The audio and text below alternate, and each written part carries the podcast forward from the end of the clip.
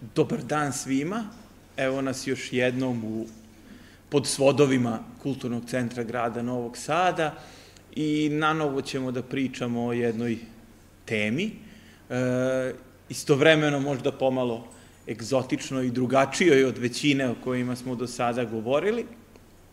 Idemo jedan ekskurs na daleki istok, e, jedan deo sveta koji je možda i nepravedno zapostavljen kada govorimo o ovoj našoj evropskoj historiografiji, opet radi se o jednoj ličnosti koja je i tekako poznata i spada svakako u najznamenitije ličnosti u istoriji čovečanstva uopšte. E, u pitanju je jedan od najvećih mongolskih e, vladara svih vremena i jednog od najpoznatijih i najvećih osvajača i vojskovođa, kako se obično smatra e, u istoriji, to je, to je dakako Džingis Khan. Njegovo što bi se reklo, rođeno ime bilo je Temujin, e, što je po mnogima, po nekim istoričarima znači kovač. Čuvena je priča iz tajne istorije Mongola, najvažnijeg izvora za njegov život, da se on rodio sa ugruškom krvi u ruci i da je to bio zapravo znak da će on biti e, veliki osvajač. E, danas se smatra da je to selo Dulum Boldog, odnosno Delum Boldog, njegovo rodno selo, nedaleko od današnjeg Ulan Batora, glavnog grada današnje, e, današnje Mongolije. Naravno, to je dosta teško uopšte i utvrditi, ali to je tako neka tradicija koja opstaje o Temuđinovom e, rodnom, rodnom mestu. Njegov otac se zvao Jesugej, bio je predvodnik e, Halag Mongola, klana Borđigin ili Boržigin, kako se negde, negde može sresti On je prilikom jednog pohoda namamljen od strane Tatara e, i data mu je hrana da jede koja je bila otrovna, tako da je on umro otrovan e, i Temuđin je morao da pobegne, a majka je bila e, Hoelun. E, kako to obično je bivalo, imamo na umu da se ovde radi o jednom nomadskom svetu, o nomadskim plemenima, e, plemenima gde su važila vrlo stroga, pomalo surova pravila života, rekli bismo iz našeg modernog aspekta, ali opet e, jedan svet koji je bio beskrajno zanimljiv e, i u to doba, ali kažem diametralno suprotan od svega što mi e, poznajemo i diametralno suprotan od i evropskog, pogotovo zapadnoevropskog i vizantijskog sveta toga doba. I zato moramo nekako sve shvatati uslovnije i drugačije nego kada govorimo e, o bilo kom drugom delu zemlje u u ono vreme. Odrastao je u velikom siromaštvu i došao je u sukob sa svojim starijim polubratom koji je smatrao da on polaže pravo da nasledi, da nasledi Jesugeja. E, međutim, Temuđin je uspeo da izađe kao pobednik iz ovog, iz ovog sukoba. Potom je, međutim, pao u zarobljeništvo i uspeo da pobegne iz zarobljeništva od jednog e, konkurentskog plemena. Sa 12 godina već, odnosno po rođenju, shodno mongolskom običajnom pravu, da se tako izrazim, njemu je bila namenjena ženitba sa Borte, odnosno Berte, Berte, koja je bila nešto mlađa od njega. Naravno, kasnija tradicija i pomalo mitologija daće mu neki neviđeno veliki broj žena i čak i neku tra besmislenu tradiciju da 1% čitavog, čitave planete potiče od Džingis Kana. Naravno, te brojke su ogromne, preuveličane i svakako nemoguće. To istoričari znaju, ali je vredno uvek napomenuti i zbog onih koji nisu istoričari. Dakle, nesumnjivo da je imao niz morganatskih žena, ali isto tako je nesumnjivo da je Borte bila prva među njima. E, ova anglosaksonska historiografija voli da je naziva velikom caricom, the great empress. Naravno, nikad e, to nije carica u smislu kako je u ki, kineski carevi ili, ili vizantijski ili bilo šta. E, prosto on, jedino su e, sinovi sa njom zapravo nasleđivali i možda je bila svega jedna ozbiljna konkurentkinja među tim brojnim organatskim ženama, ali ono što je vrlo interesantno da je jedna od uh, Džingis Kanovih konkubina bila i princeza Čiguo, koja je dakle došla iz Kine kada je uh, posle osvajanja Pekinga, ona je data iz Džin dinastije, Džurčen Džin dinastije, uh, ona je data Temuđinu. E, ovo je njegov zapravo najsavremeniji portret koji postoji. Naime, radi se o jednoj istoriji kineske dinastije Yuan.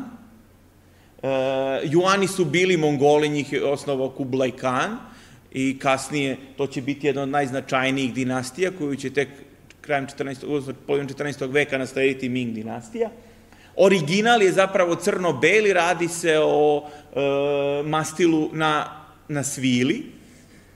E, portret se čuva u Tajpeju, u muzeju nacionalne palate, mislim da se tako zove, ili, ili velika narodna palata u Tajpeju i tamo se čuva čitav taj manuskript Juan dinastije, pa i e, ovaj najbliži, dakle 14. vekovni portret Temuđina, odnosno Džingis Kana, vidite, poprilično drugačiji od kasnijeg pod znacima navoda imidža koji će mu biti dodeljen kroz, kroz vekove. Međutim, kažem, to je nekako možda i najpribližnije vremenu u kom je, u kom je živeo. Njegova žena Borte spala je u zarobljeništvo plemena Keraita, I Temuđin zajedno sa Togrulom, koji je bio e, krvni brat ili zakleti brat njegovog oca, Mongoli su to zvali Anda, e, pokušavaju da spasu Borte i uspevaju e, u tome. Togrul će mu kasnije biti i veliki protivnik, kao i Togrulov e, sin, e, iako, kažem, isprva on je bio Anda njegovog oca i kao Anda e, jedna od obaveza krvnih krvne braće jeste da budu uvek verni jedan drugome i da nikada ne počine izdaju. E, 1186. godine šaman, glavni, vrhovni šaman Mongola, e, proglašava Temuđina za kana i kaže tako izvori da je Tengri bio na strani tada Temuđina. Tengri je zapravo večno plavo nebo. E, zapravo možemo reći vrhovno pod znacima navoda božanstvo tengrističke religije, odnosno skupa verovanja kojem je pripadao i sam Temuđin i veliki broj, e, veliki broj Mongola. Istovremeno dolazi u sukob sa svojim Andom, koji se zvao Džamuka, takođe jedan od e, rivalskih, rekli bismo, poglavica, i dolazi do žestokog sukoba kod sela Dalam Balđut, u kome je Temuđin e, i njeg, Temudin sa Togrulom teško poražen. Togrul tada beži u Karakitaj, u još jednu u nizu tih e, podeljenih kineskih država i tamo biva neko vreme, a narednih deset godina ne znamo šta je bilo, to jest ne zna se šta je bilo sa Temuđinom, zapravo izvori ćute za period od 1187. do 1197. godine i tada se te 1197. godine se Temuđin upliće u jedan novi e, sukob u tim nepreglednim srednjoazijskim, za nas daleko istočnim stepama i područjima, to je sukob protiv Đurčen e, Đin dinastije. Zapravo radi se o nekakvoj sino-tibetanskoj dinastiji, dakle, e, poreklom delimično kineskom, delimično sa Tibeta, koja je nos, ponela taj kineski naziv Đin, Đin i ostaće tako upamćena u istoriji. To je jedna od najznačajnijih kineskih e, dinastija, a bili su, kažem, po poreklu tibetanci, džurčeni. E, Đin dinastija, odnosno država Đin je povela rat na Tatare, koji su bili do tada njihovi vazali. E, Temuđin i Togrul su tada pomogli, pomogli Kinezima i zapravo zahvaljujući toj pomoći pobeđ, pobeđeni su Tatari, a Đin dinastija, odnosno država Đin je restaurirala, da, ponovo dovela na vlast i Temuđina i Togrula. Već u to vreme počele su prve trzavice, E, Togrulov sin Sengum bio je već izuzetno, rekli bismo, zavidan, ljubomoran zapravo na uspehe e, Temuđina i na njegovo sve, ipak korak po korak usponu prkosi nekim padovima i porazima. E, on se već tada nekako profilisao kao jedan od najznačajnijih predvodnika. Sengum je, kažem, zavideo na tome i uz pomoć svog oca došao u sukob sa Temuđinom, međutim, e, taj je sukob završen e, Temuđinovom pobedom, ali tu nije bio kraj tim unutrašnjim borbama, opet ponavljam, to je jedno surovo nomadsko plemensko društvo, gde rodovska plemenske veze e, zapravo odlučuju e, o svemu i ti sukobi su stalni, to je vrlo dinamično društvo, ali vrlo konfliktno samo po sebi već po svom društvenom uređenju, tako da je čitavih pet godina ratovao sa Džamukom, koji je poneo titulu Gürkan. E, to je trajalo, kažem, gotovo pet godina, sam Džamuka je bio izuzetno sposoban, međutim, konačno 1206. je poražen.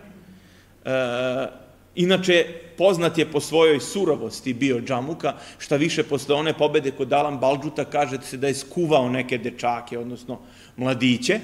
E, međutim, sam Džamuka shodno mongolskim običajima, ishodno jeli, toj nekoj tradiciji, tražio je, e, zapravo njega je Temuđin primio, ponudio mu nazad čak prijateljstvo, kako svedoči tajna istorija Mongola, E, međutim, ovaj je to odbio, već je zatražio po običajnom pravu Mongola da ima dostojanstvenu smrt bez prolivanja krvi, što se zapravo odnosi da po tim nekim pravilima da mu bude slomljena kičma. I on je tu smrt bez prolivanja krvi e, po svojoj želji i dobio i tako je e, i poslednji, možemo reći, veliki unutrašnji rival e, Temuđina zapravo poražen te 1206. godine. Ovo je jedna kasnija ilustracija susreta Temuđina i Togrul Kana, koji je nosio kinesku Wang titulu, inače, e, iz e, persijskog dela Džamija al-Tawarih. To je svakako jedna od najvažnijih izvora za, e, ne samo za Džingis Kana, nego uopšte za Mongole kao takve, nastalo je na persijskom jeziku početkom 14. veka u persijskom Ilhanatu, al-Din ga je napisao i ima niz manuskripata, ovaj Džamija Tawareh, što znači zapravo e, zbir istorija, zbir hronika, rekli bismo. Tawarih je plural od tarih, tarih je istorija, ali znači hronika, događaj. E, a džamija je zapravo sve ono što se skuplja, odatle i reč za džamiju. E, dakle, ovom nekom kompendijumu zapravo raznih hronika mogu se naći sjajne ilustracije koje upravo svedoče o, o Džingis Kanu, jer jedan deo džamija Tawarih koji se smatra prvom zapravo svetskom istorijom, jedan značajan deo posvećen je mongolskoj e, istoriji i tradiciji. Naravno, kao što možete videti već da su ovi likovi dosta više liče na persijance nego na ono kako bismo mogli da, da, da zamišljamo Mongole negde 13. veka. Ovaj manuskript je kasniji, ima dosta e, rukopisa e, ove hronike, ovaj mislim da je iz New Delhija a najznačajnije ima dva u Parizu, ima u Topkapi u Carigradu, dva izuzetno lepo iluminirana, neki su još i sa početka 16. veka, tako da sve ove ilustracije su značajno anahrone, ali zapravo su maltene jedino što, što imamo da, da vezano za Džingis Khan. Ono što je e, za njegovo doba i uopšte za e, čitavu tu neku priču o Mongolima jako važno, a što je često i podcenjeno i precenjeno, jeste ta njihova velika vojna snaga, e, ono što je e, dobro poznato iz svih prikaza Mongola, bilo da su e, filmski ili bilo kakvi drugi u popularnoj kulturi, bilo da su u krajnjoj liniji ono što je za nas i najbitnije, da su u pitanju metodološki proverljive istorijske činjenice. Imao je niz izuzetno značajnih vojskovođa, jedan od njih je bio Subutaj, poznat po tome da je pobedio Najmane, još jedno u nizu tih plemena, Mongolije je zapravo jedan skup naziv, mi, mi ga koristimo i inače u historiografiji se koriste za skup različitih plemena, e, mongolske visoravne i čitave te centralne e, Azije, dakle to su i najmani i Keraiti, i Mongoli, i Tatari, ali nekako je nadvladao taj najznačajnijeg e, plemena, pa uvek kad kažemo Mongoli misli se e, na sve te, sve te različite narode osvajanja, pogotovo Kine, dovele su ne samo Džingis Kana, nego i ove i Mongole ipak u dodir sa jednom od najnaprednijih i najznačajnijih civilizacija tog vremena, jedno od najmoćnijih e, i najvažnijih kultura zapravo svetske istorije, to je kineska kultura u najširem smislu. U vojnom smislu e, to je značilo usvajanje pre svega opsadnih sprava, jer Mongoli kao stepski, konjički, nomadski narod – e, su uglavnom bili vezani za tu svoju konjicu, koja je najpoznatija, jeli, e, i jedna od najpoznatijih konjica u istoriji uopšte. E, međutim, zahvaljujući tim kineskim osvajanjima, znate kao što su Rimljani pokorili Grke pa preuzeli klasičnu kulturu, e i ovako Mongoli su pokorili Kineze, ali su preuzeli dosta tekovina te velike civilizacije, između ostalog i gotovo sve vrste opsadnih sprava, koje naravno Mongoli nisu imali, imajte na umu da e, reljef Mongolije kakav je. I danas je vrlo e, težak i, i nepristupačan na kamole ako se prebacimo u 13. vek, pre 8 vekova, nije tu bilo velikih gradova, nešto poput Pekinga ili bilo kog drugog u Kini, to je ipak jedan sasvim, sasvim drugačiji svet. E, sam Temujin je insistirao i na toj mreži takozvanih špijuna, zapravo niza agenata koji su radili za njega, naravno opet po tom nekom kineskom uzoru, i jam sistem koji je služio za snabdevanje. To je u mnogome pomoglo zapravo Mongolima da napreduju i da, os, da zapravo vrše svoja osvajanja, a pored konjize tu su najpoznatiji i oni su prikazani na niz iluminacija, na niz rukopisa, e, pogotovo persijskih izvora, to su naravno strelci na konjima koji su predstavljali udarnu snagu e, Mongola i po, kome, po kojima će oni ostati upamćeni e, i među onima koji nisu istoričari, pogotovo ne vojni istoričari. Najvažnija vojna jedinica nazivala se Tumen, nju činilo 10.000 e, vojnika, a koristili su različite taktike, taktika klešta, recimo, kada su napadali Kinu, ili pogotovo taktika namamljivanja, kada je opsedan Yinchuan, glavni grad kineske države, zapadni Xia, e, gde su zapravo izvlačili e, protivničke vojnike, onda ih pobeđivali i na taj način sebi otvarali put ka osvajanju različitih tvrđava, citadela. No, e, te 1206. godine zapravo nastaje Džingis Khan. Pitanje nje, porekla, etimologije tog imena je dosta nejasno u historiografiji, pod uticajem pre svega onog Jacka Weatherforda, iako na srpskom jeziku postoji mnogo bolja literatura o Džingis Kanu, pre svega delo Mišela Hoanga, jednog francuskog istoričara vijetnamskog porekla, koji kao takav e, imao pristup i kineskim izvorima i e, napisao jedno izuzetno delo koje zove Džingis Khan, koje je kod nas objavljeno i naravno Rene Gruse i njegovo carstvo stepa.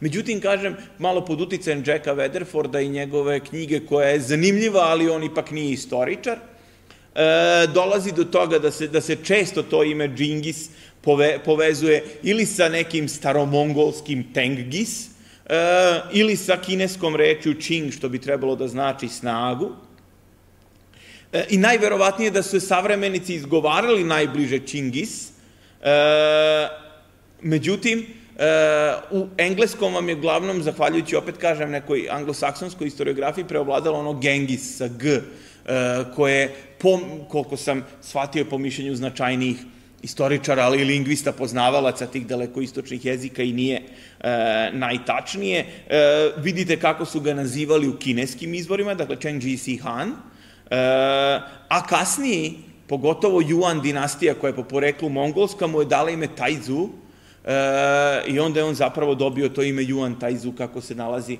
kako je naveden u nizu e, kineskih izvora, dok su dok ga Persijanci u persijskim izvorima, čak i kasnijim, svi od reda zovu Čingiz Han, dakle sa Č na početku i sa Z na kraju, Čingiz. E, I to je nešto što, kažem, je konstantna svih persijskih izvora i to je dakle, e, radi se o dosta kompleksnom e, načinu i, i kako ga prevesti i da li ta titula uopšte ima neko znak, kao i sama reč Kan, za koja je očigledno proto-turska, nosili su i Bugari i drugi turski narodi, uopšte turkijski narodi, međutim, nejasno je do dan danas poreklo ovih titula.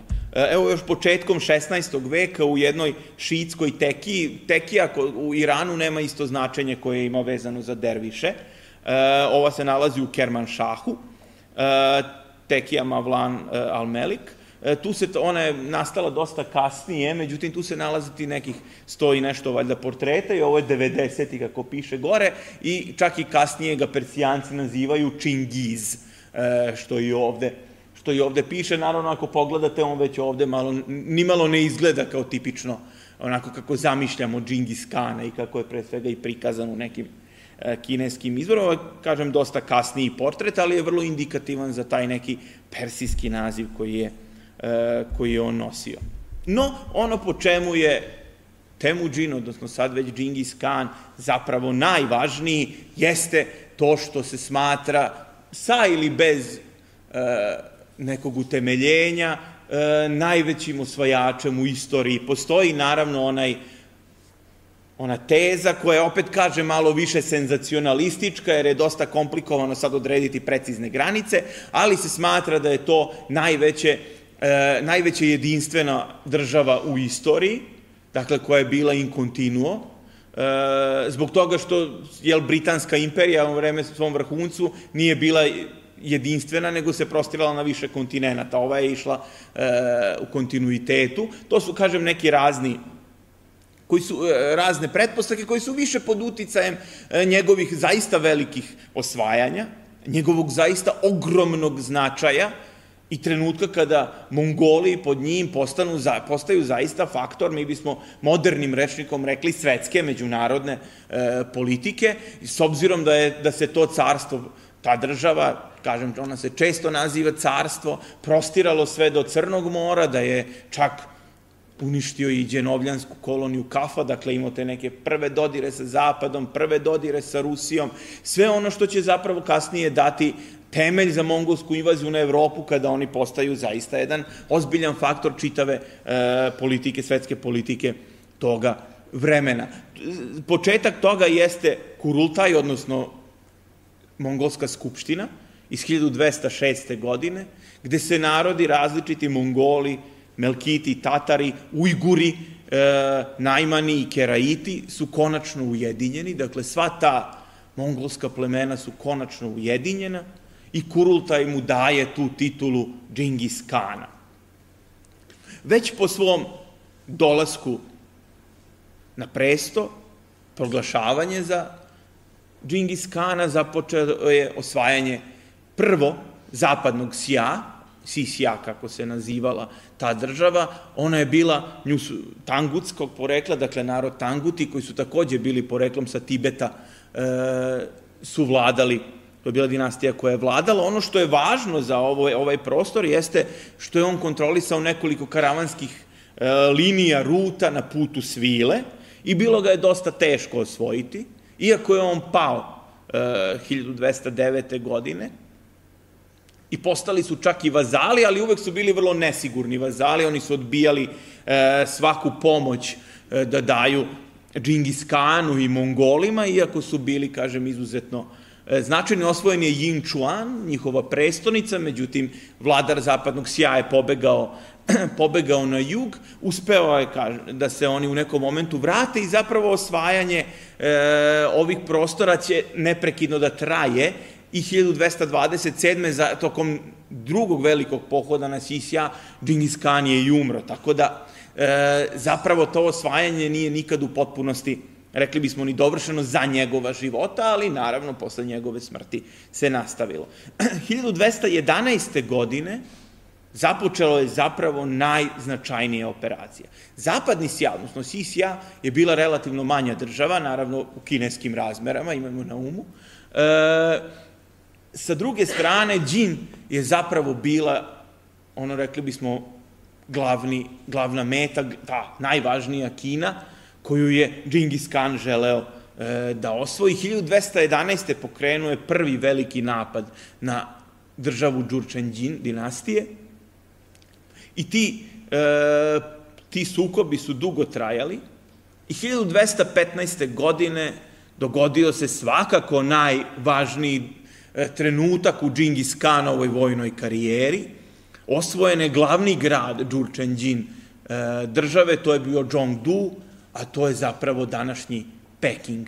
Osvajanje današnjeg Pekinga bio je jedan od najznačajnijih uspeha i rezultata čitave Džingis Kanove politike, iako je naravno bilo mnogo e, ogromnih e, osvajanja.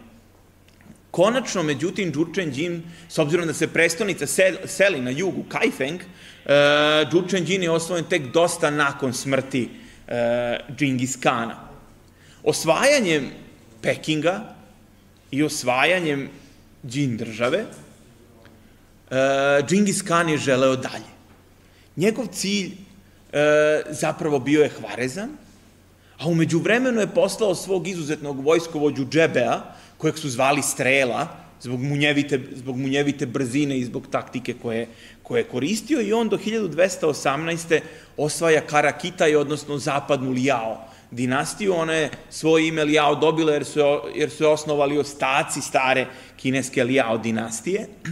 E, sam Džebe je poveo jedva dva tume na 20.000 ljudi, kako svedoče izvori, što je realno za taj prostor i ne tako mnogo. Te su Mongoli morali da pribegnu novoj taktici koju su e, takođe verovatno videli od Kineza, to je izazivanje pobune u neprijateljskim redovima, Neko će reći slično Rimljanima divite et impera, nešto što se koristi u svetskoj politici sve do danas, jel, da zavadite svoje protivnike međusobno, onda ih lako osvojite. To je negde bila i ovako namera Džebeova i to se zaista desilo. Karakitaj, odnosno zapadni Iliao je i pao do, 2000, do 1218. godine upravo tom taktikom, iako je Džebe imao svega 20.000 vojnika na raspolaganju, što je opet značajno manje e, nego što su imali protivnici. I onda je došao trenutak da Džingis Khan povede najznačajniji pohod koji je za njega bio ključan, a to je osvajanje Hvarezma, dakle napad na centralnu Aziju, na ključne gradove puta svile, pre svega Samarkand, Buharu, e, to su bili ključni gradovi puta svile još i, bil, i njih, oko njih je ratovo i Aleksandar Veliki, to je zapravo osvajanje E, dobrog dela, dobrog dela Persije. Deset tumena je krenulo na Hvarezam 1219. godine. Oni su postepeno, prvo je pao Samarkand, potom i Buhara, jer je prestonica prebačena iz Samarkanda, Samarkanda u Buharu, zatim su padali i drugi gradovi, čak i za sav onaj e, mit koji stoji iza Mongola o njihovoj surovosti kažnjavanje Hvarezma je bilo užasno surovo. Gotovo svi gradovi koji su osvojeni su e, razarani, veliki broj ljudi je e, vođen i otiman i od, odveden u ropstvo. A ono što je posebno interesantno, to je da je prilikom osvajanja velikog Samarkanda, dakle ključ jednog ključnih gradova puta svile i ključnog grada Centralne Azije, primenjena i taktika klešta, odnosno neka vrsta opkoljavanja protivnika i njegovog e, uklještanja, zato se ona tako i zove, dok nisu morali da se predaju i povuku. Dakle, radi se o jednoj zaista e, surovom odnosu koje je on imao prema, prema Hvarezmu. Po svom ranijem običaju zanatlije se šalju u Mongoliju, Imajte na umu da sa zanatlijama iz Persije i Kine, to su zapravo dve najznačajnije civilizacije za istoka. Dakle, to je na određen način doprinosi e, razvoju i same Mongolije. Veliki broj ljudi je masakriran, naravno brojke u izvorima su e, pogotovo u literaturi kasnije su preuveličane do dan danas u delu čak i ozbiljnije iranske historiografije. Inače, tamo postoji jedna tradicija među, među Persijancima da je on počinio prvi veliki genocid u istoriji. Naravno, imajte na umu da su ti termini izrazito anahroni i oni ne postoje u srednjem veku, ne postoji u 13. veku takav termin, to je kasnija recepcija i Džingis Khan ima, kao što znate, i tu pozitivnu i tu negativnu recepciju ta pozitivna s obzirom na tu harizmatičnu figuru vojskovođe osvajača, pomalo iz nekih egzotičnih krajeva, e, makar za, za ovaj evropocentrični anglofoni, anglofoni svet sa jedne strane, s druge strane ima i ta tradicija o njemu kao svakako e, vrlo surovom, što nije e, bez osnova. Žene i deca su masovno otimani kao roblje, a kažem, osvajanje zaista Samarkanda je bilo izrazito, izrazito surovo, osvajanjem Hvarezma zapravo zavladao je dobrim delom Iranske visoravni i čitavim tim e, ogromnim plodnim prostranstvom. I korak po korak došao je do Kavkaza, koji je takođe od uvek bio put svile, značajan zbog puta svile, koji je bio neka spona istoka i zapada, Gruzija i Jermenija, u ovo vreme već vrlo razvijene zemlje, od četvrtog veka hrišćanske, Dakle, radi se o, o jednom vrlo značajnom prostoru, ali i koji mu garantuje izlaz ni manje ni više nego na Crno more. Pa samo ako pokušamo da zamislimo u današnjim okvirima u svu tehnologiju kojom raspolažemo, gde je Mongolija, a gde je Crno more, stičemo samo onako osnovni utisak, ima kasnije i nekih karata, pa ćete to možda jednostavnije videti. Zaista zastrašujuće ogromno prostranstvo koje je palo e, pod vlast e, Džingis Kana.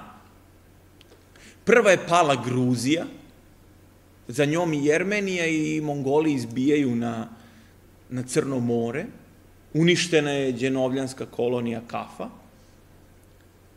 što je bio, možemo reći, pa neki kažu prvi direktan mongolsko-evropski sukob, koliko je taj termin prigodan, to je drugo pitanje, ali činjenica da, da je i ovo pokazalo mongolsku silu i snagu. Postoje neki neprovereni podaci da je poražen od povolških bugara, e, to ostaje onako kao jedan znak pitanja. Međutim, svakako druga najznačajnije nakon pada Pekinga jeste bitka na reci Kalki 1223. godine, e, koja je zapravo prvi mongolsko-ruski sukob. Dan, danas se ne zna koja je to reka, ima nekoliko teza među ruskim istoričarima gde bi se ta kalka mogla nalaziti, koja bi to današnja reka ili rečica mogla biti. Vodile su rusku vojsku dvojica Mstislava, tako su se zvali jedan i drugi knez, I ta bitka je bila, zapravo e, je delovala dosta obećavajuće za rusku vojsku. Oni su isprava malo i imali neku prednost, međutim, u jednom žestokom protiv napadu e, Mongoli su uništili, kažu, višestruko jaču rusku vojsku. I to je bio zapravo početak e, pada Rusije, po to je prvi veliki poraz, on će uslediti kasnije, 15 20 godina kasnije, međutim, bitka na reci Kalki jeste taj, e, rekli smo, ta inicijalna kapisla tih sukoba e, sa Mongolima, iako je tu bilo i nekih poslanstava, toga je bilo i ranije, znate, Džingis Khan je ih u Hvarezam slao neko poslanstvo i zapravo sva ta velika osvajanja se nekad dogode slučajno, pa tako kada su poslati na Hvarezam, poslati su neki izaslanici, međutim oni su e, ubijeni od strane nekog guvernera tamo u Hvarezmu i zapravo se krenulo kao neka osveta, e, čak je bila poslata i neka delegacija u Hvarezan gde su bila e, i bio jedan musliman, e, ova druga dvojica Mongola su ošišani, ovom je odrubljena glava, dakle, puno tih momenata koji su dovodili zapravo do toga da e, Džingis Khan, e, koji je želeo da vlada tim prostorima, dobije odrešene ruke, da zbog grešaka svojih protivnika e, dominira i pobedi. Tako se nešto može reći i za Kalku 1223. Doista veliki i težak ruski poraz koji e, je bio u uvodu jedno onako posebno e, težak period, a to je ruska dominacija, odnosno mongolska dominacija Rusijom.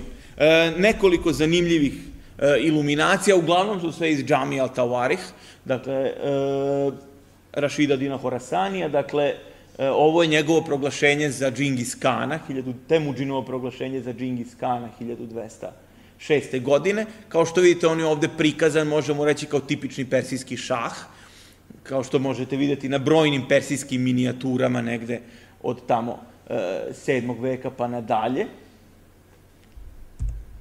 i jedna od ovako najznačajnijih ilustracija koja ilustruje njegov najveći uspeh, Džingis Khan ulazi u Peking, uh, iz, istog je, iz istog je rukopisa, tako da ne treba da vas iznenade uh, arapska slova, odnosno persijski tekst na ulazu u Peking. Uh, kao i, kažem, sam je rukopis anahron nastao je verovatno kasnije, iluminacije su kasnije, tako da je to bilo drugačije. Međutim, zaista jedan ogroman svetsko-istorijski događaj za jedan i od danas svakako najvažnijih gradova i upravo ta mongolska opasnost na Kinu prouzrokovaće i gradnju kineskog zida kao što je dobro poznato i za koji ima ona legenda da se vidi jedino što se vidi s meseca. E, dakle, sve je to prouzrokovan upravo ovim velikim napretkom e, Džingis Kana koji je ostavio značajan, e, značajan trag. E, jedan drugi interesantan izvor – govori zapravo o osvajanju Horezma, gde e, tokom sukoba e, je tadašnji vladar, Horezmišak Dželudin, Dželaluadin, prelazi Ind.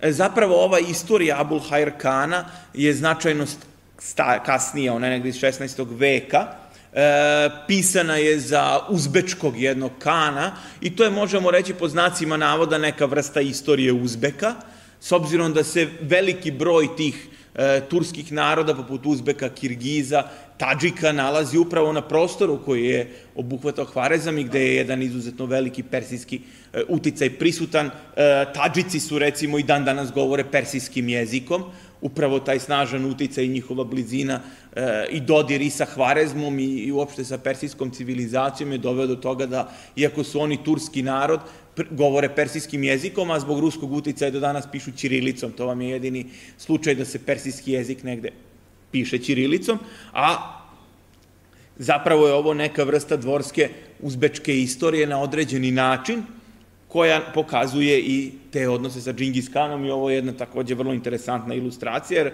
možete vidjeti da je Džingis Kan e, nije na konju. No, e, šta je sve zapravo on ostavio čovečanstvu, e, svakako da oko takve jedne ličnosti mora i oko nje, kao što se kod rođenja jel, kaže da je rođen sa ugruškom krvi, što je predstavljalo da će on biti veliki osvajač, što je i pokazao svojim delima, tako i njegova smrt je trebalo to da dokaže. Kada je završeno to masovno i ogromno osvajanje, kada su Mongoli, mongolske, ugledne mongolske vojskovođe osvojile Hvarezam, išle na Kalku, borili se s Rusima, e, umirivale različite kineske države koje se nalaze na tlu, ajde recimo današnje Kine, trebalo je ponovo umiriti taj večno nepokorni zapadni sja, e, i 1226. godine sam Džingis Khan stao je na čelo pohoda koji je za cilj imao da upravo pokori i uništi ovu kinesku državu. E, avgusta 1227. kada je opsedan Yinchuan, glavni grad zapadnog Sija, e, njega je zatekla smrt. Neki smatraju da je već imao preko 60 godina. Činjenica e, da za srednji vek je to izrazito duboka starost. Da li je zaista imao toliko godina ili ne, ostaje naravno otvoreno pitanje, jer teško je utvrditi njegovu godinu rođenja. E, međutim, nesumnjivo da je za srednji vek i za prilike u kojima je on rođen, odrastao, živeo, on već uveliko bio čovek u ozbiljnim godinama, čovek koji je vodio vrlo težak, surov život, stalno na konju, stalno u pokretu, čovek koji je u krajnjoj liniji, mi bismo kolokvijalno rekli, osvojio i prošao pola sveta, ako pogledamo površinski, to je zapravo zaista tako, koliko god zvučalo onako malo bizarno, e, zaista je Džingis Khan neko ko je od tog rodnog delum Boldoga, ako mu je rodan, e, obišao ogromna azijska prostranstva koje se i danas mere hiljadama i hiljadama kilometara. Dakle, kao posledica jednog takvog života, svakako je usledila, usledila smrt. To je nešto, rekli bismo, i sasvim logično, pa i prirodno. Razlozi smrti Džingis Kana su, su e, različiti, nepoznati i ima ih puno. Najpoznatiji je ono da je umro od, otrove, od e, infekcije pošto je pogođen strelom. Zašto je to najpoznatije? Zato što je Marko Polo, e, sa ovom prilikom nećemo ulaziti da li je zaista bio u Kini ili ne, možda ćemo jednom pričati i o tome, s obzirom da e, i oko toga postoje ozbiljne kontroverze, ali bio ili ne, e, on je čuo od onih od kojih je čuo i sve ostale priče, upravo to da je Džingis Khan uh, umro od infekcije od rane strelom i zbog toga je to nešto što je ostalo, i ako gledate niz i ovih dokumentarnih i naučno-popularnih filmova i bilo čega što se dotiče Džingis Kana, toga zaista ima mnogo, upravo zahvaljujući Marku Polu ostala je ta priča. Međutim, Galičko-Volinski letopis, jedan zaista izvanredan e, ruski srednjovekovni izvor, kažu jedan od najlepših i najboljih ruskih letopisa, govori o smrti u borbi. Da li je to sama opsada Yin Chuana, teško je, teško je reći, ali nekako ovaj Galičko-Volinski letopis se smatra relativno pouzdanim. E, uz ogradu da su letopisi, ali to je sad jedna druga tema za, za, za istoričare da raspravljamo o njihovom, e, njihovom značaju kao istorijskih izvora i njihovoj verodostojnosti. To nije nešto što nam je tema večeras, međutim, ovo je takođe jedna, jedna priča i konačno jedna legenda koja se razvila u novom veku, početkom 17. veka, o nekoj princezi koja je sakrila bodež i onda e, došla do Džingis Kana i ubila ga. Ta je legenda, kažem, dosta kasna, dakle ona je nastala gotovo četiri i po i više od četiri i po veka, e, tri i po veka od e, smrti samoga Džingis Kana, dakle kao takva teško je se može pokloniti poverenje, međutim pokazuje nešto drugo, pokazuje izuzetnu tradiciju i legende koje su se razvijale o, oko Džingis Kana, dakle one nisu produkt modernog vremena, niti, ne, niti neki savremeni konstrukt, zapravo one žive i one vekovima postoje i vekovima traju, e, do te mere da se eto čak i izmisle neke, neke zanimljivosti. Naravno, druga zanimljivost vezana za njegovu smrt, za život Džingis Kanov, život posle smrti, jeste ta priča o njegovom grobu e, i o tome da je želeo da bude, da se ne zna gde je zakopan, da kad bude njegov grob zakopan, da konji pređu preko toga da se, mi bismo rekli, utaba, a svi svedoci toga su pobijeni. E, koliko je to tačno, koliko je to još jedna u nizu legendi, ostaje otvoreno pitanje. Činjenica da se ne zna gde je bio njegov grob. Neki ga traže u blizini Ulan Batora, e, neki smatraju da otprilike mogu da lociraju to to njegovo rodno selo, pa da je on sahranjen u, u rodnom selu. E, kažem, tu ima dosta e, nagađanja, dosta legendi, s obzirom na značaj na zanimljivost ove ličnosti, na njenu provokativnost samo po sebi, tako je i tema njegovog groba ostala potpuno e, otvorena i kažem nekako je logično da neko ko je rođen sa ugruškom krvi, neko ko je bio predodređen od strane Tengrija u kojeg je, u kojeg je verovao, e, da ima i tako jednako misterioznu smrt i sahranu. Ono što je posebno zanimljivo i što pretpostavljam da većina možda nije imala prilike da vidi, iako je dostupno preko interneta, ali radi se o, jednoj jako interesantnoj stvari, to je Džingis Kanov novac. E, to je nešto ko posve vrlo interesantno, e, s obzirom, ima mnogo, realno tog mongolskog novca nema tako malo, on je relativno dostupan. E, ovaj je kovan u Gazni, na njegovom e, reversu se čita najveći kan, jel, Džingis Khan, e, zapravo Kagan, e, Čingis Khan, dok je sa druge strane e, čuvena e, muslimanska invokacija da je Bog jedan, da je Muhammed njegov poslanik, la ilah ilallah Muhammedun Rasulullah, i ono što je u nastavku, to je ime tadašnjeg bagdadskog halife Al-Nasira, odnosno Nazira, e, koji se može čitati, to je na desnome, na, na reversu, poslednja dva reda, e, dakle, bagdadski halifa. Vrlo e, interesantno, dakle, on je formalno pravno donekle i, eto, i priznavao tog bagdadskog halifu i taj novac je onako vrlo interesantan i za proučavanje i nekakve ideologije toga vremena, jer e, iako je bio e, pripadao tom tengrizmu i verovao u Tengrija i u, u tu ideju, ipak je na njegovom novcu iza njegovog imena pisalo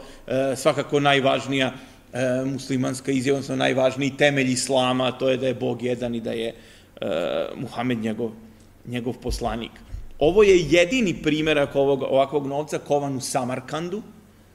Ovde sam samo nekoliko zlatnika izdvojio, ima tu i nešto sitnog srebrnog mongolskog novca, ali ovi zlatnici su e, posebno interesantni. Tu takođe na reversu da je veliki veliki Kan Džingis Khan, odnosno veliki Kagan zapravo, a ovamo na Aversu piše da je kovan u Samarkandu i gore zapravo ide ila ilah ilallah Muhammedu Rasulullah, malo je loše, loše iskovano, ali se može shvatiti da su to uh, uvezano le i uh, al, a ispod da je kovan u Samarkandu i kažem ovo je jedini primerak i kažu da je izuzetno vredan na nekom od ovih sajtova kad, kad sam tražio, čak se za njih tražilo i do 12.000 dolara za samo taj jedan jedini novčić. Dakle, na, naravno iz našeg aspekta jedna nemoguća ogromna cena, međutim, radi se o jednom posve, posve zanimljivom artefaktu i značajnom svedočanstvu vladavine Džingis Kana i na tim prostorima.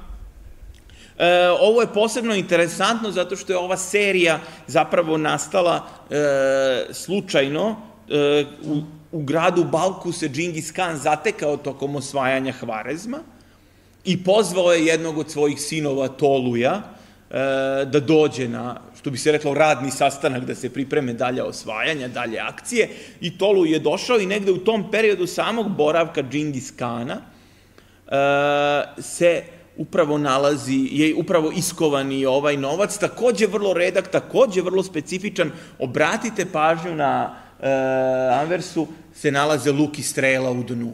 Dakle, oni tipični mongolski luk i strela, jedan od njihovih, možemo reći, najprepoznatljivijih znakova, su iskovani i na, e, ovu, na ovom novcu. E, takođe se sa ove strane govori o, o Džingis Kanu, e, a ovamo je opet la ilaha illallah Muhammedun Rasulullah i ponovo ime bagdadskog e, halife. Dakle, izuzetno, izuzetno zanimljivi artefakti koji e, svedoče o Džingis Kanovoj i snazi, i uticaju i moći, ali posebno, kažem, ovaj gde možete vidjeti jedan tipično, e, tipično mongolski znak luk i strelu, e, koji predstavlja zapravo neku vrstu po znacima navoda grba, naravno, shvatajte krajnje uslovno, toga ne postoji među Mongolima, ali je e, vrlo interesantno. Ovo je jedan natpis, zapravo e, tu se na mongolskom može videti e, kako se zapravo Džingis Khan potpisi, odnosno kako je potpisivan, nazivan, to je to Čingis Khan, zapravo se govori takođe o jednom usvajanju e, centralnoj Aziji, u mongolske države, Ulus je zapravo naziv za državu na mongolskom, e, i da se tu nalazio taj Isunge koji je ispalio, e, koji je odapeo strelu, pardon, e, dakle, jedan isto vrlo interesantan izvor, e, jer zapravo to je, mislim da je 1219. godine baš, I vrlo je, kažem, posebno zanimljiv upravo zbog toga što se tu nalazi na mongolskom e, iz toga vremena napisano njegovo ime, odnosno titula, odnosno kako je on nazivan. Dakle, najpribližnije onome kako su transkribovali poznavaoci istočnih jezika jeste upravo to Čingis Khan. E, šta je zapravo nasledđe Džingis Kana? E, opet kažem, pod uticajem pre svega malo i anglosaksonske historiografije i malo romantizacije ovakvih likova, jer ovako harizmatične velike e, vojskovođe često se izvlače iz konteksta vremena. Mi istoričari znamo da treba razmišljati isključivo u kontekstu vremena kada je neka ličnost živela. Međutim, pardon, ne mogu se izbeći e, ni te E, rekli bismo, kontroverzna pitanja. Jedna od njih je ta jasa. Jasa je zapravo neka vrsta nepisanog mongolskog zakonika, Međutim, najveći problem kod jase jeste što ne postoji istorijski izvor koji je dokumentuje. Svi izvori su kasniji. Dosta toga je zapisao Alma Krizi, jedan e, arapski, odnosno egipatski istoričar 14. veka i iz te neke priče sledi da je Džingis Khan e, bio za tu versku toleranciju. Da li takav termin možemo primeniti na 13. vek je jako problematično pitanje u koje u koje ako bismo ušli daleko bi nas odvelo i dugo bi trajalo, a već se kraj polako i približava. E, međutim, činjenica da kod Makrizija postoji nekoliko tih svedočanstava, da je zaista on rekao da treba poštovati e, budiste, taoiste, e, hrišćane i muslimane, Isto tako znamo za neke navodne susrete Džingis Kana sa određenim daoističkim sveštenicima, sa muslimanskim, e, sa predstavnicima muslimanske vere, uglavnom šiita, e, ali i sunita. E, dakle, e, sve to postoji relativno dokumentovano u izvorima. Kasniji e, mongolski vladari su se pozivali na ove, recimo, privilegije, odnosno oslobađanje od dažbina, poreza, osloba, i to neko tolerantni odnos prema ovim e, verskim grupacijama. Oni naravno nisu razlikovali e, međusobne e, te različite e, pravce, recimo u hrišćanstvu, s obzirom da je nestorijanstvo relativno bilo dosta prisutno i danas ga ima e, u centralnoj Aziji, pogotovo u Indiji, ali i negde drugde po centralnoj Aziji, muslimani ili šiti, suniti, naravno iz mongolskog aspekta tu gotovo izvesno nije bilo nikakve razlike. E, međutim, e, odnos je prema pokorenom stanovništvu ipak govori u, u prilog tome da to nije bilo baš samo vezano za versku toleranciju, i te kako e, osvajanje Samarkanda je i drugih gradova Hvarezma bilo surovo, gde su, zaista mi bismo modernim rečnikom rekli, ratni zločini bili ogromni, odnosno zlo, e, ubijanje i uništavanje lokalnog stanovništva je bilo veliko bez obzira na to što su pripadali veri koje je formalno bila ili se smatra da je bila tolerisana. Zbog toga su sve te e, koncepcije oko jase komplikovane, mada je verovatno postojao nekakav e, mongolski E, da li jedinstven zakonik, da li skup nekog običajnog prava, on će poneti to ime jasa i bit će poznat kasnije. E, opet jedna od teza vezanih za Džingis Kana koje su istovremeno kontroverzna, iako ima određen osnov, s jedne strane, s druge strane je opet dosta teško govoriti o tome u jednom tako formiranom i tako strukturisanom društvu kakvo je mongolsko i uopšte bilo kakvo centralno-azijsko, to je ta meritokratija, zapravo e, društvo po toj tezi, e, Džingis Khan je prekinuo e, sa tim rodovsko-plemenskim odnosima i sa tim da rodovsko-plemenska aristokratija vlada, već su mogli da vladaju samo najbolji. E, opet, to je pitanje dosta kompleksno. Činjenica da je on raskidao sa pojedinim rodovsko-plemenskim tradicijama, da se surovo obračunavao sa njima, E, naravno da, da bi sačuvao vlast, da bi njih sprečio da mu preuzmu vlast, ali pitanje koliko zaista u jednom takvom društvu može da postoji meritokratija, ostaje otvoreno, kažem, ono je, e, ono je zanimljivo, donekle se može primetiti da je on raskinuo ili hteo sa, raskine sa starim tradicijama, ali nije to baš tako revolucionarno, niti je to moglo biti, pogotovo na jednoj tako ogromnoj teritoriji, u krajnjoj liniji puno se oslanjao i na svoje sinove. Dakle, to je opet jedan vrlo e, značajan aspekt. Ono što je bitno, to je zapravo njegovog nasledđa, kada govorimo, to je mongolska imperija nakon njega, jer zahvaljujući upravo Džingis Kanu koji je postavio taj temelj, dolazi, rekoh, i do stvaranja tog kineskog zida, dakle i do daljih osvajanja Kine, osvajanja Koreje, potom invazije na Japan e, pod Kublai Kanom, E, kada je Japan spasila velika oluja, e, odnosno božanski vetar koji je dobio ime kamikaze, što na japanskom i znači božanski vetar, jel? I to će zapravo biti, zbog toga će i kasnije sve kamikaze nositi, e, nositi to ime. Međutim, ako gledate da u jednom trenutku mongolska država, naravno ne potpuno jedinstvena, iznutra bila od Japanskog do Kaspijskog mora, jasno vam je da se radi o ogromnom nasledđu koje je ostavio Džingis Khan, A ono što je posebno i za naše prostore čak interesantno, makoliko delovalo jel, da u to jednom ogromnom prostranstvu e, mongolske države i Džingis Kanove i post Džingis Kanovske, da se tako izrazim, uopšte ima mesta za ovaj mali prostor na kome smo mi, zaista ga zapravo ima. 1241. na drugu je ta velika provala Mongola u Evropu, stradaju Bugari, strada Ugarska, ugarski kralj Bela IV. se spašava tako što beži u Trogir. U to vreme nema onog mosta koji je kasnije tek izgrađen, koji danas vodi do samog Trogira, tako da je Trogirska tvrđava bila zapravo idealna da se skloni, to je bilo neko mini ostrvce.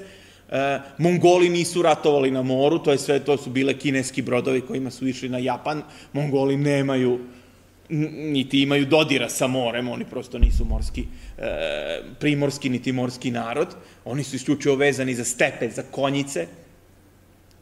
Dakle, i u toj invaziji e, Ugarske, dakle, stižu do Dalmacije, Mongoli haraju i, kao što znate, i deo Srbije, i ovde u Sremu, preko puta nas, takođe su prošli, da li su baš mnogo napravili pustoši kao drugde ili ne, to je isto jedno komplikovano pitanje, ali ne ulazimo u njega sada. Poljska je takođe stradala.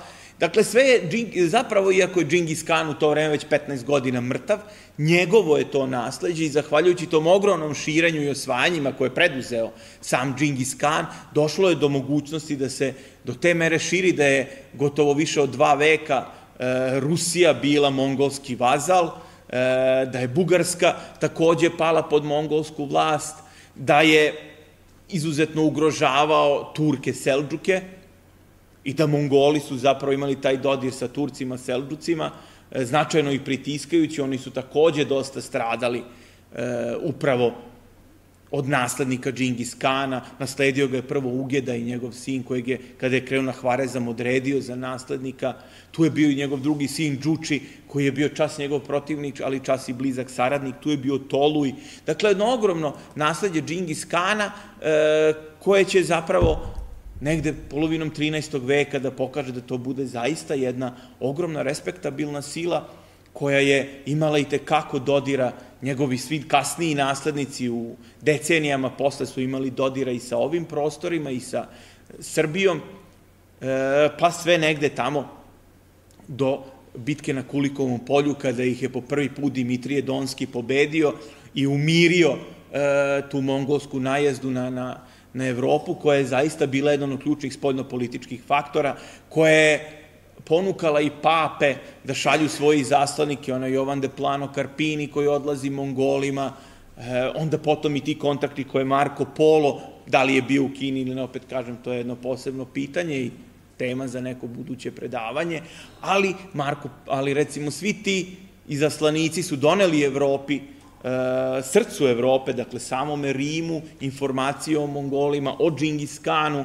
i zapravo još za života, a pogotovo posle smrti legenda je nekako nastavila i opstajala da živi. Ovde možete videti ono, prosto da pojednostavimo kako je, naravno ove sve karte sa interneta uzmite uvek sa malo više zagrada, jer, ali prosto boljih nemamo sad jedino zaista i stručne literature skenirati. Naravno, dosta ovih gradova su savremeni, ali možete videti kako su tekla ta osvajanja, dokle su došla, dakle, sve do, do, još u vreme Džingis Kana su bili prvi ti neki dodiri sa granicama sa, sa Korejom. Na jug, kao što vidite, se ide daleko ka Tibetu. Jedino u ovom periodu ostala je po, pošteđena dinastija Južnog Songa, e, i vidite i sami velike e, značajne gradove, ne samo puta svila, nego čitave persijske civilizacije, Samarkand, Buharu, Kašgar, E, Niša, Nišapur sa observatorijom koja postoji od 11. veka, Herat, Ghazni, Kabul, glavni grad današnjeg e, Afganistana, dakle to su područja Afganistana, današnjeg Pakistana, dobrog dela e, Irana i naravno e, čitavoga Kavkaza, gde su u jednom od tih su došlo i do sukoba sa povolškim e, Bugarima, tim poslednjim ostacima proto-bugarskog stanovništva koje se nalazilo nalazilo u Aziji i jedna ovako jednostavna mapa, zapravo mapa današnjeg sveta, ovaj, gde je ucrtano plus minus kako je izgledalo Džingis Kanova država. Mnogi ga nazivaju carstvom, tu njegovu ženu caricom, naravno, kažem, te titule su malo anahrone i teško ih je na pravilan način shvatiti, ali možete otprilike videti e, i steći utisak, govorim pogotovo za one koji nisu po vokaciji istoričari, da vidite šta je zapravo, gde se prostiralo, a kolika je recimo današnja država Mongolija. E, u Kini, to sam nedavno saznao, zahvaljujući nekim univerzitetima, da postoji provincija unutrašnja Mongolija, e, koja je zapravo površinski veća od današnje države Mongolije, kao i da ne mali deo Mongolije i danas pripada Rusiji. Iako to površinski, mislim, to je verovatno za naše pojmove nešto neshvatljivo, ogromno, ali e, kažem to je čisto eto da vidite koliko se zapravo prostirala ta moćna država i zbog čega Džingis Khan sa pravom možemo reći izaziva i oduševljenje i podozrenje, ali pre svega svakako zanimanje i onih koji se u užem smislu ne bave istorijom. Ono što je za nas interesantno da postoji mađarski prevod tajne istorije Mongola, velikog mađarskog orijentaliste Lajoša Ligetija, koji je zapravo vezan za malo E, za te dobre odnose socijalističkih zemalja u vreme socijalizma ove, Mađarske i Mongolije, čak je prva dama Mađarske u vreme Rakošija bila Mongolka, e, ali za nas istoričare ostaje vanredno važan izvor, to je ta tajna istorija Mongola, koja je to dostupna i na mađarskom sa jednom izuzetno dobrom kartom e, i čak i sa delovima iz originalnog, e, originalnog rukopisa. E, dakle, jedan prvorazredni i beskreno zanimljiv izvor koliko god bio nepouzdan, u njemu se nalazi puno jako interesantnih informacija i podataka upravo vezanih za Džingis Kana i njegovu vladavinu. Džingis Khan vam se zahvaljuje što ste zbog njega izdvojili vreme.